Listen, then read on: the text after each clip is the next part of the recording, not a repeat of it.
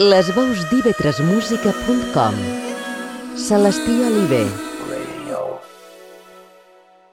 Col·leccionem un nou col·leccionable dedicat avui als grans i sovint oblidats primers noms de la primera New Wave mallorquina, gairebé tots grups maleïts, grans exponents, però amb una carrera no tan sortada. I el començam amb els precursors, el grup autor de la primera referència discogràfica de New Wave, publicada a les Illes Balears i també de les primeres del rock cantat en català, amb el segell cap pare de l'etapa musical turística anterior, la marca Maller. Era el grup MAC de Manacor. El 1981 publicaven el single on hi havia a la cara A el clàssic mallorquí en dissabte, com a primer premi del concurs organitzat per l'emissora La Voz de Baleares, i a la cara B hi havia aquesta referència tant de Clash o X-Ray Specs. Música te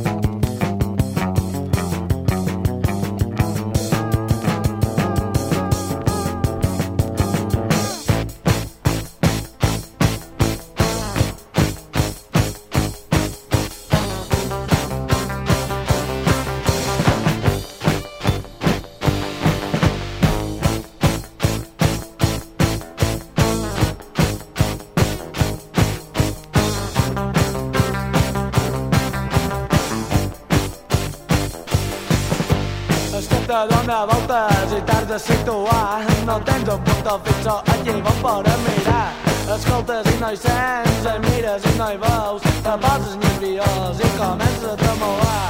Es marxa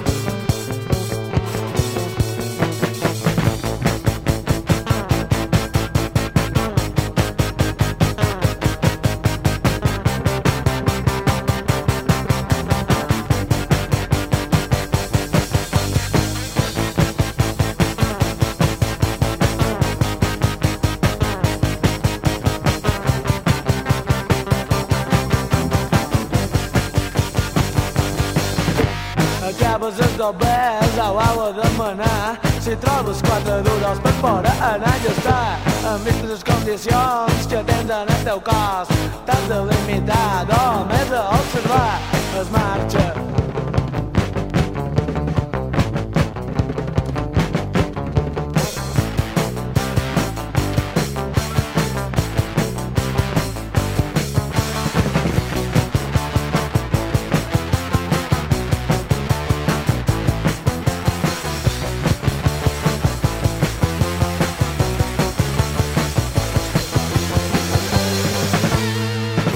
es marxa cara bé d'aquell únic single que publicaren Mac, banda formada el 1979, procedents de l'etapa anterior del grup Pillastres, on hi havia entre els seus cinc components Esteve Huguet a la guitarra, l'amo de l'emblemàtica tenda Rock House, Christian Volker, cantant, ara Ramonicos, i Antoni Nicolau, bateria, posteriorment a Pepone i després a Ocultos i Ocults.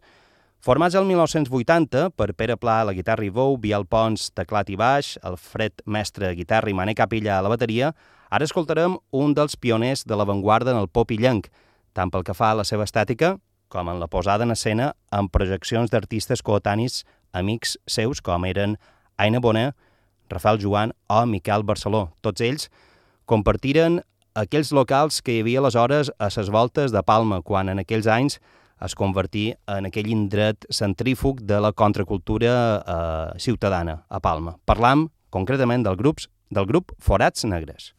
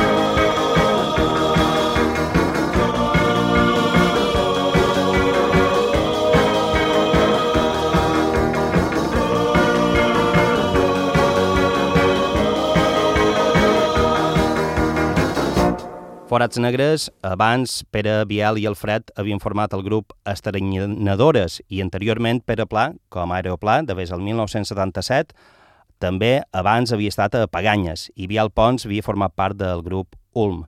En Pere i en Biel, després del 1982, formarien Defectos Físicos, amb, entre d'altres, Joan Carles Palau del primer Tercio, ara a Germans Tanner, i Pablo Paco Juncosa, perdó, que no durarien molt i que després formarien, acabarien formant el grup Verus Cavamp, embrió del primer tercio, que recuperarem d'aquí uns moments, més endavant, eh, aquí a Col·leccionable. És la fi, o era la fi aquesta, de Forats Negres. Després serien poc temps, eh, per un temps curt, Forats Naturals, eh, pas previ a Furnace Time, aquell gran grup precursor de la New Wave, però d'aquí recuperam l'etapa més pop de la seva trajectòria, la de la seva segona publicació, amb aquest títol.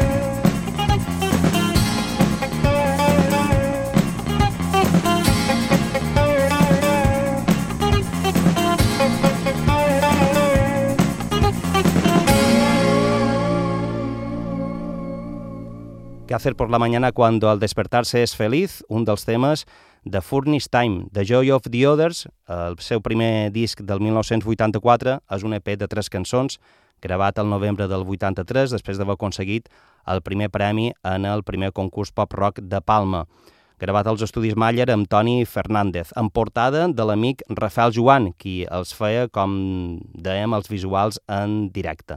L'any següent, el de 8 de maig del 85, Furnace Time toquen a les festes de Sant Isidro de Madrid, abans de els Smiths, davant unes 200.000 persones. L'any següent editen aquest mini LP mm, titulat eh, amb títol homònim, Furnace Time, en portada de Miquel Barceló i del qual hem escoltat aquesta cançó, gravat a Maller i editat per Twins. Inicialment havia de ser un disc sencer, però eh, el va fer enrere la seva discogràfica, per tant va ser un disc fallit, Mane Capilla deixa el grup que compaginava en Trazon Zara i a finals del 87 se separen. No és més de 25 anys després, fins al 2013, que Pere Pla torna discogràficament eh, parlant amb el seu disc El pes del cel, amb qui varen compartir temps i escenaris, fins i tot obrint per grups com Mecano a la plaça de Toros, són ex Crocodiles, un d'aquests altres grans grups de Mallorca maleïts i no valorats com es mereixen i que avui també recuperam.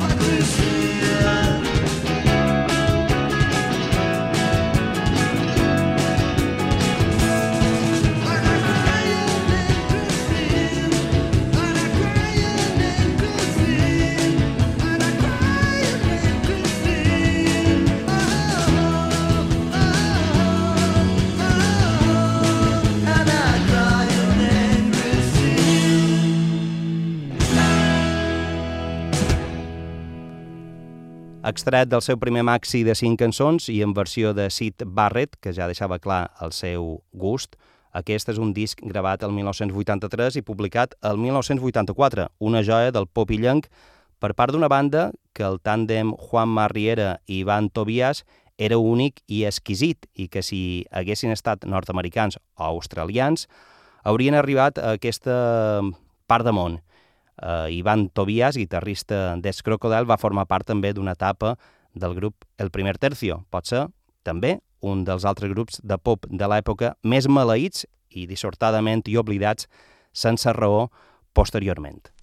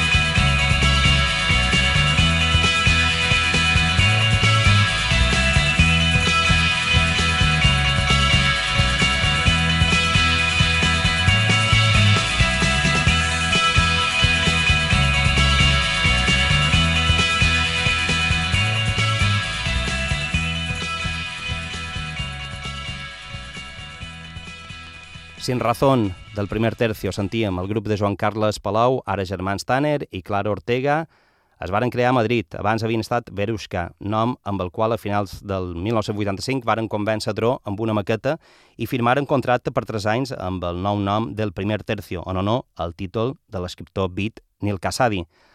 Els volia produir Julián Ruiz, però res es va complir i varen acabar fixant, fixant per, fi, fitxant per Gravaciones Accidentales, i el produiria Nyete en aquest disc, exbateria de Nacha Pop. Sin Razón, que en sentit és del mini LP de set cançons enregistrat a Madrid, al febrer del 1989, entren als estudis Swing de Palma per gravar el segon disc, Hay un espacio para ti, produït per Oli Halsal, ex Radio Futura i Pato o de Rattles, que aleshores vivia a Mallorca, tocava amb Kevin Ayers, en qui va enregistrar més d'una desena de, de discos i precisament qui està enterrat al cementeri d'allà, de, eh, un de vora l'altre. Una producció de la qual renunciaria el primer tercio des del minut zero. Joan Carles Palau i Clara Ortega eh, consideraven que no els agradava la producció. Per tant, un altre disc fallit. Halsal, Oli Halsal, recordem que era dicte a l'heroïna i ten després, maig del 1992, moriria al carrer de, per Madrid. Al març de 1990, el primer tercio trauria el seu darrer disc, un 10 polsades amb dro, ha puesto otra vez en versions de Steely Dan i de, de The Outnumbered. I aquí s'acaba la seva història, de les més fatals i enriquidores del pop illenc. Abans d'aquesta etapa, però, ho dèiem eh, fa uns moments, havien estat Verus Cabamp. to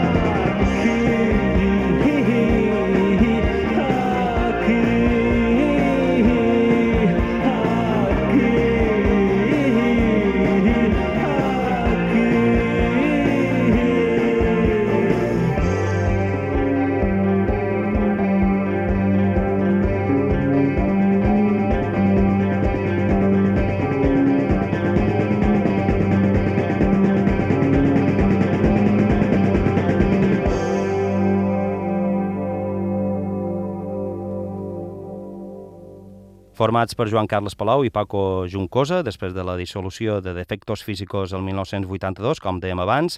A poc temps després se'ls uniria Clara Ortega, varen quedar finalistes del primer concurs de pop-rock, i el desembre de 1983 Paco Juncosa mor amb només 21 anys, va ser substituït per Gaspar Fullana, que aleshores era bateria de Nasti, grup que va quedar en el primer lloc del segon concurs pop-rock de Palma i Verus van varen quedar segons.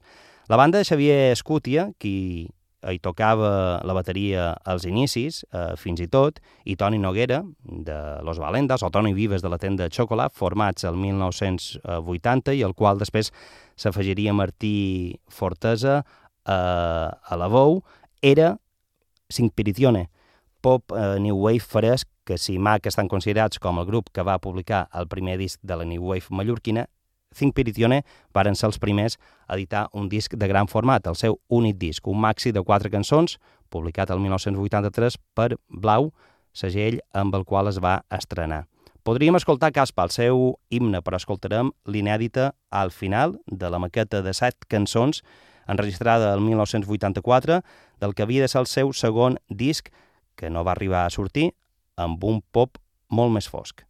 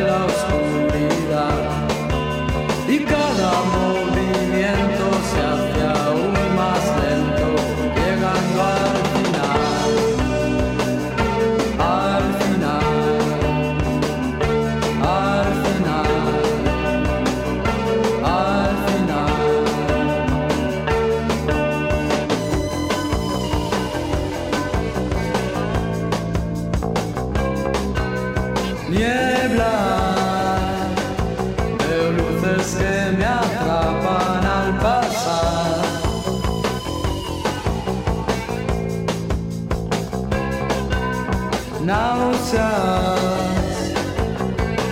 que no consigo recordar, solo flashes capaz.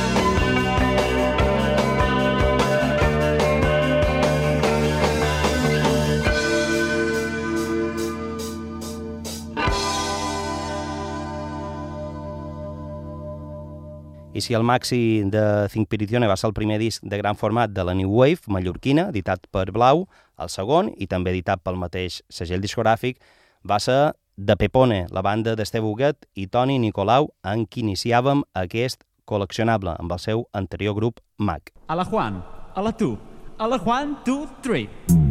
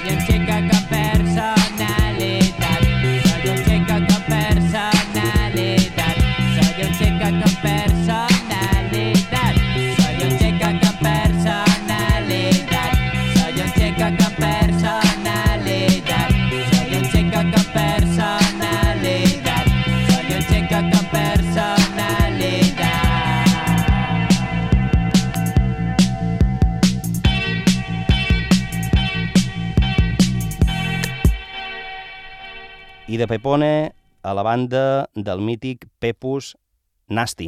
El 1983 el grup debuta en el primer concurs de pop-rock de l'Ajuntament de Palma, varen quedar els tercers. En segon lloc, recordarem noms com Madame Colette i Furnace Time, que varen ser els guanyadors. L'any següent el guanyaren en el concurs i com a premi varen gravar un maxi amb cinc cançons titulat Fantasia, editat pel segell Wild Records de Barcelona i en portada de l'artista francès Thierry Job. Pepus a la guitarra i veu, Michel al baix, Juan Carlos al teclats i Gaspar a la bateria, conformaven aquesta banda que es deia Nasti, gravat als estudis Gema de Barcelona, eh, després d'aquell disc i de participar de la fase regional del Festival de Benidorm el 1986, gravaren tres temes nous als estudis digital Antoni Fernández. Um, aquests temes mostren la bona sintonia que hi havia entre Pepus i Michel. Però tot s'acaba. Otoño, de fet, la cançó que escoltarem és d'aquella maqueta inèdita. Mm -hmm.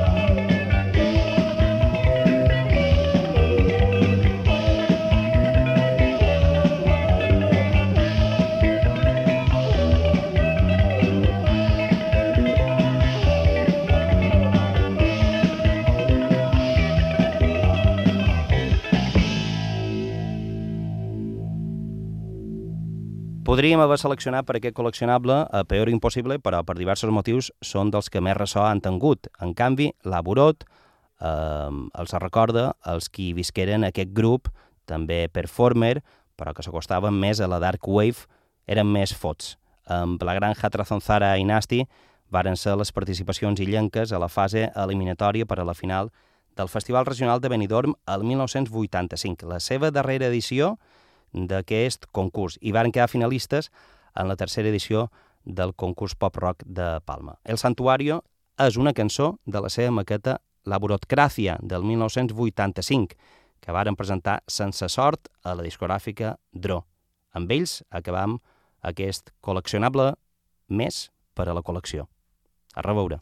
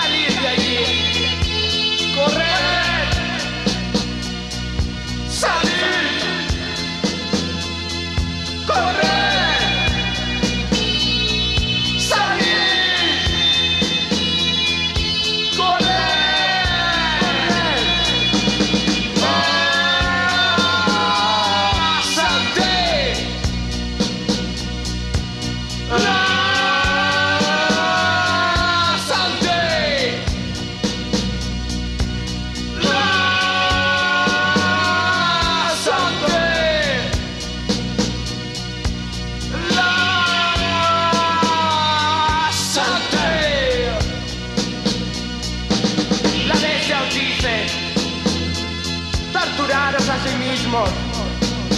Dime quién es, dime si es él. Mirad a vuestro superior, cómo os pisa. Os digo que es él, destruyelo. ¡Corre! ¡Salid!